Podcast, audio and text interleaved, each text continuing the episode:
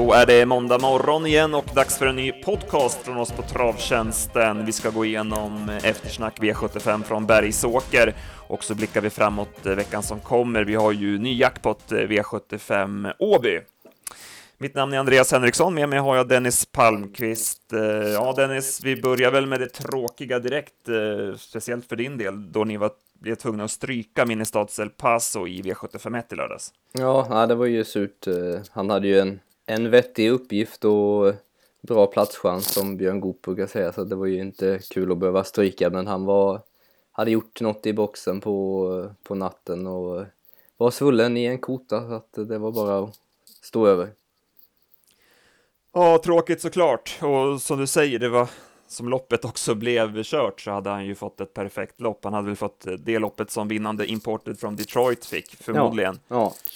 Nej, så att, eh, men sen det är klart, eh, det är ju en häst som vi tycker väldigt mycket om och som är väldigt viktig för oss och för vår verksamhet. Så att det är klart att som bana som det var är väl inte, vi hade väl inte tyckt att det var jättekul att starta på det av den anledningen heller så att säga. Nej, jag såg att uh, Rebecca twittrade någonting om det i fredags. Va? Mm, mm.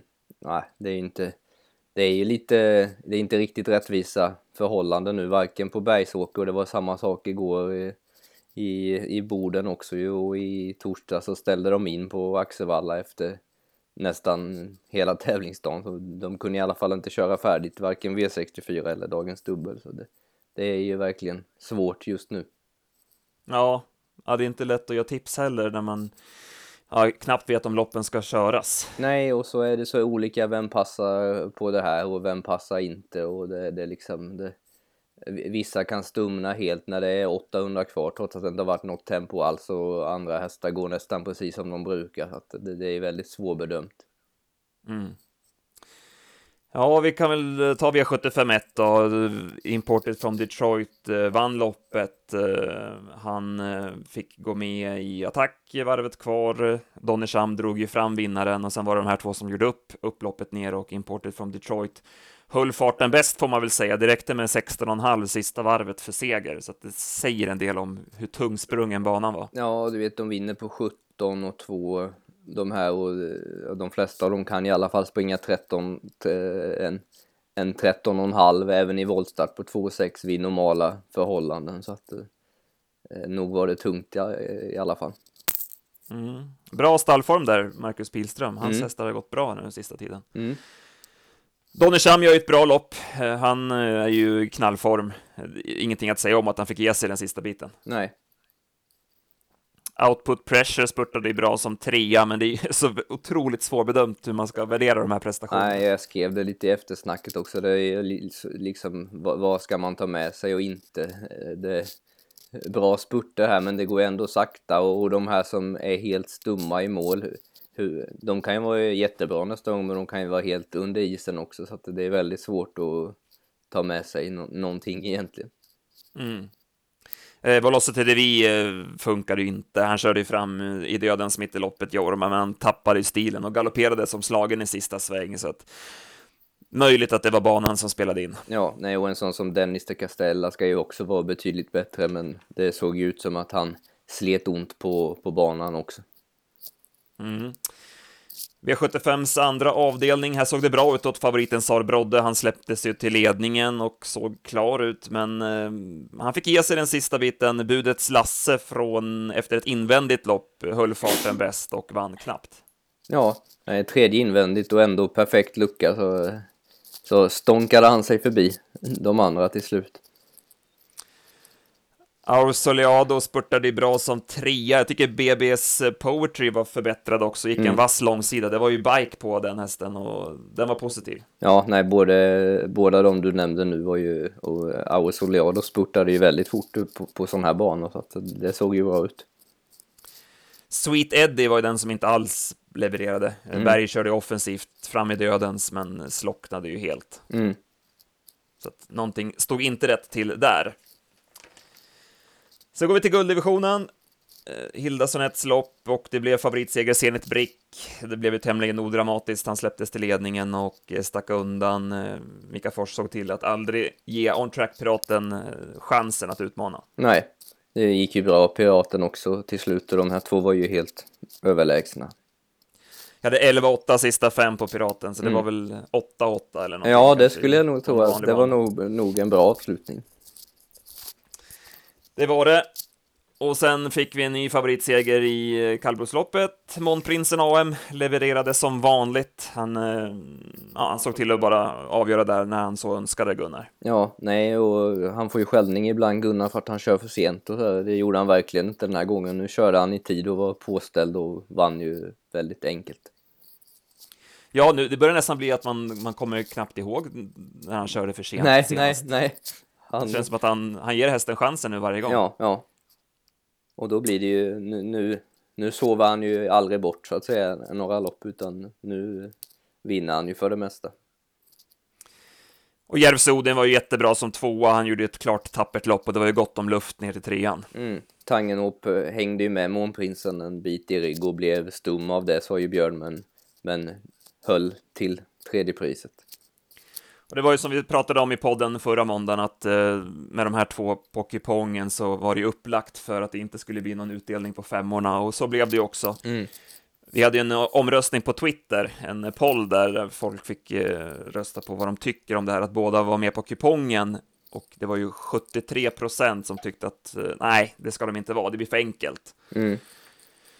Så att eh, nu vart det ju en jätteskräll som gjorde att det ändå blev hyggligt på sjuan, men eh, det krävs ju också att det blir en sån typ av skräll för att det ska kunna ge någonting när, när, när man lägger två lampor på lappen så att säga. Ja, nej, och då snackar vi ju eh, 1 procent eh, som han var på eh, för att det, och då ger det ändå, det, det, det är liksom för- 45 000 med en 1 procentare.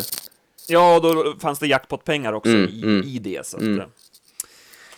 Ja, så var det i alla fall. Sen eh, fick vi en övertygande insats av Yr som vann V75 5. Eh, Han var bara bäst. Ja.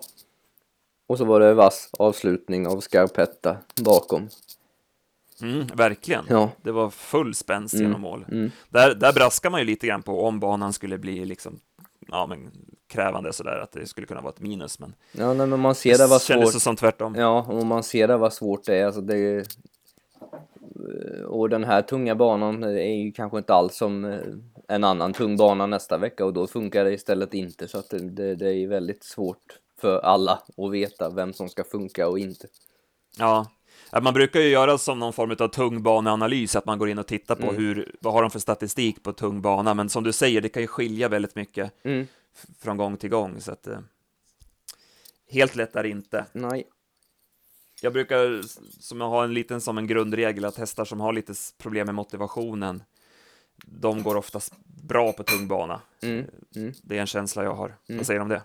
Ja, det är möjligt att det är... Och, De springer lika fort oavsett, de Ja. håller farten liksom. ja, och, och även sådana här som inte är så snabba i benen, liksom, som har svårt med tempoväxlingar och sånt här, blir ju alltid gynnade när det blir tungt istället, så att det är styrkan bara som får komma in. Sen går vi till eh, sjätte avdelningen och här kom då den där smällen som vi pratade om, eh, Living in my dream, eh, som eh, smög med i rygg på Selma Tull, som drog på i ledningen, fick luckan perfekt och gick förbi enkelt. Eh, svårfunnen vinnare tyckte vi, med tanke på att den hade varit ute i betydligt enklare sällskap på slutet. Ja, nej, det var väl inte så lätt att hitta, men med sådana här förutsättningar och, och helt perfekt lopp ju luckan precis när man drömmer om det så att säga, så, så eh, gick det vägen. Ja. Mrs Lindy spurtade bra som tvåa. Mm. Eh, hon, hon gör det bra. Ja, Vad tyckte du om de andra? vet inte om det, det är så svårt att, att ta, ta med så himla mycket. Det var ju hennes avslutning, Mrs Lindy, som, som var, var vass. Ginny Weasley gick ju en repa i vida spår på sista långsidan, men ja, det är väl ingenting att säga om att det satt i benen till slut. Nej, det tar ju ut sin rätt när det är så tungt. Sen avslutar vi omgången och här fick vi väl se dagens bästa insats, eh, Magnifik Brodde. Han var helt överlägsen från spets. Ja, nej, och, och om man tittar eh, på tiderna så gick, eh, även om det var 16.40 bil, så gick han 13 medan de sprang 16, 17, 18 i alla andra varmblodslopp så att säga. Så att det, eh, det känns som att det var en väldigt bra insats. Ja, det var ju lite låga rapporter från Samu Sundqvist inför att han hade fått stått över lite jobb och sådär, Mm. men man såg ingen ringrost där inte. Nej, det var ju väldigt bra form på stallet. Det blev ju en dubbel på, på GS75 igår i Boden också. Så att, eh, två lätta segrar där. Så att det är bra snurr på Samu och Ingmar Hultqvist stall för dagen. Ja, ska vi lämna Bergsåker där? Det är ju som sagt, det är inte helt lätt att värdera de här prestationerna. Nej, och lyfta fram massa nästa gångar och så här är lite svårt. Det är väl de här som vi nämnde som gick väldigt fort över mål med bra spänst. De känns ju som att de tog ju inte något illa vid sig i alla fall. Så att de kan man väl ha med sig till nästa gång. Så gör vi. Eh, I övrigt då, veckan som kommer. eh, Eh, ni har ju starttestar i morgon tisdag. Mm, mm. Ska du berätta lite grann kring det? Ja, det är ju lunchtrav först med Jetlini. Han gjorde comeback senast. Eh, första som vallack och debut i Monté. Det var ju förvisso billigt gäng men han såg fin ut och vann ju väldigt enkelt med gott om sparat. Så att eh, även om han stannade till lite i sin ensamhet så var han väldigt oberörd efter loppet. Så att han, jag hoppas att kastrationen har gjort honom gott. Så, så får vi se hur det... Det är ju 1640 bil imorgon och sulky igen och bra spår så att det...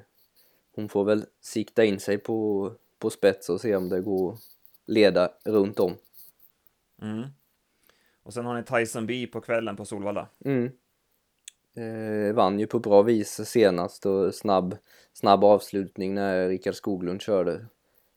Eh, och känns lika bra efter och han gör säkert ett bra lopp igen och det var väl inte, inte så mycket blodigare emot den här gången även om han, han står i 40 och man ska hämta meter men det, det, det kändes som att det var lite blandad kvalitet på, på loppet så, så bland de tre hoppas jag att han ska kunna vara i alla fall.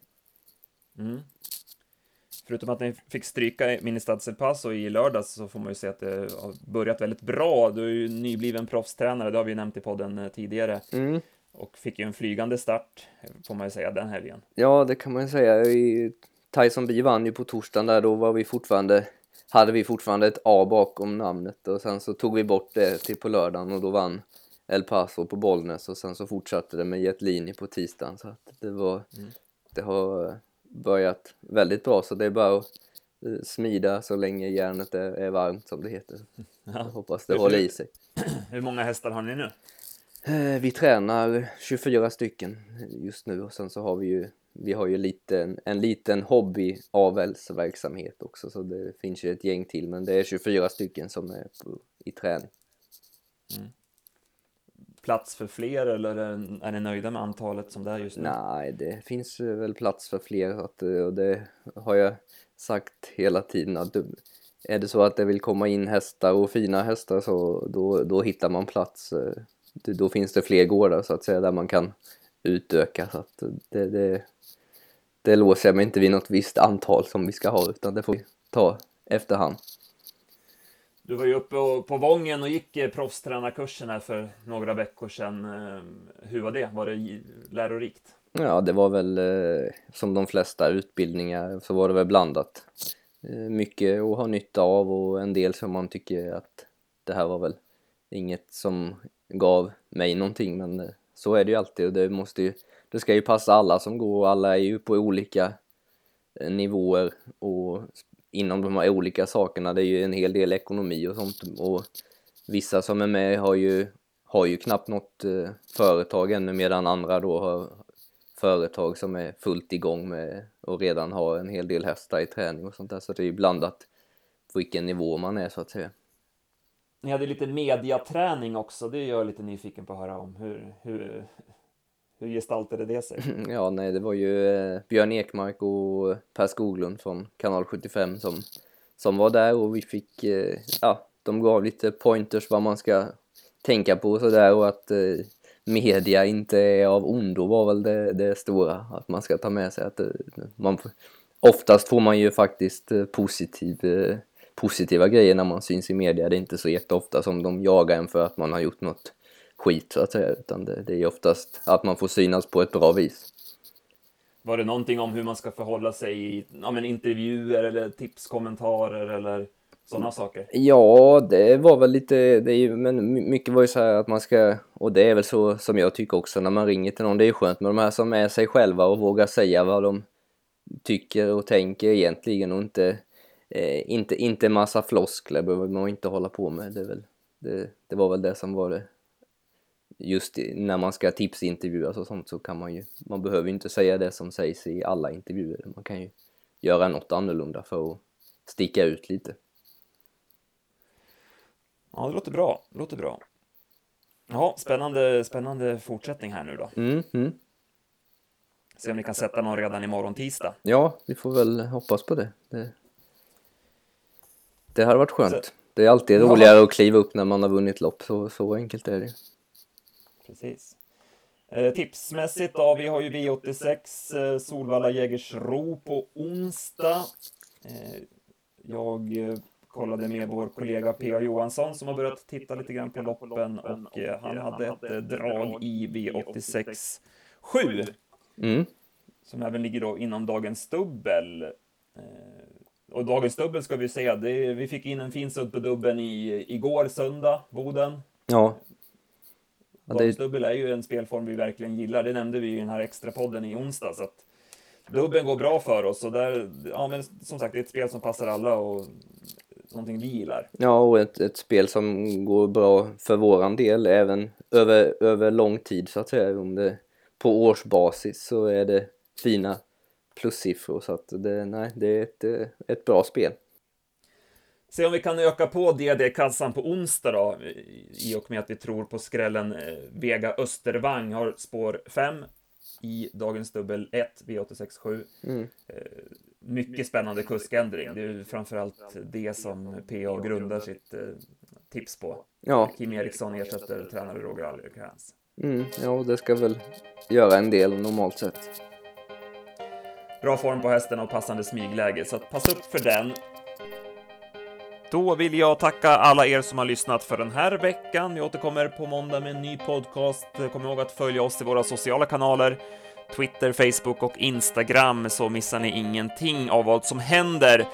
Kom även ihåg att regga ett konto på travtjänsten.se så får ni nyhetsbrevet som kommer varje fredag med uppsnack inför V75. Tack för idag. Hej hej!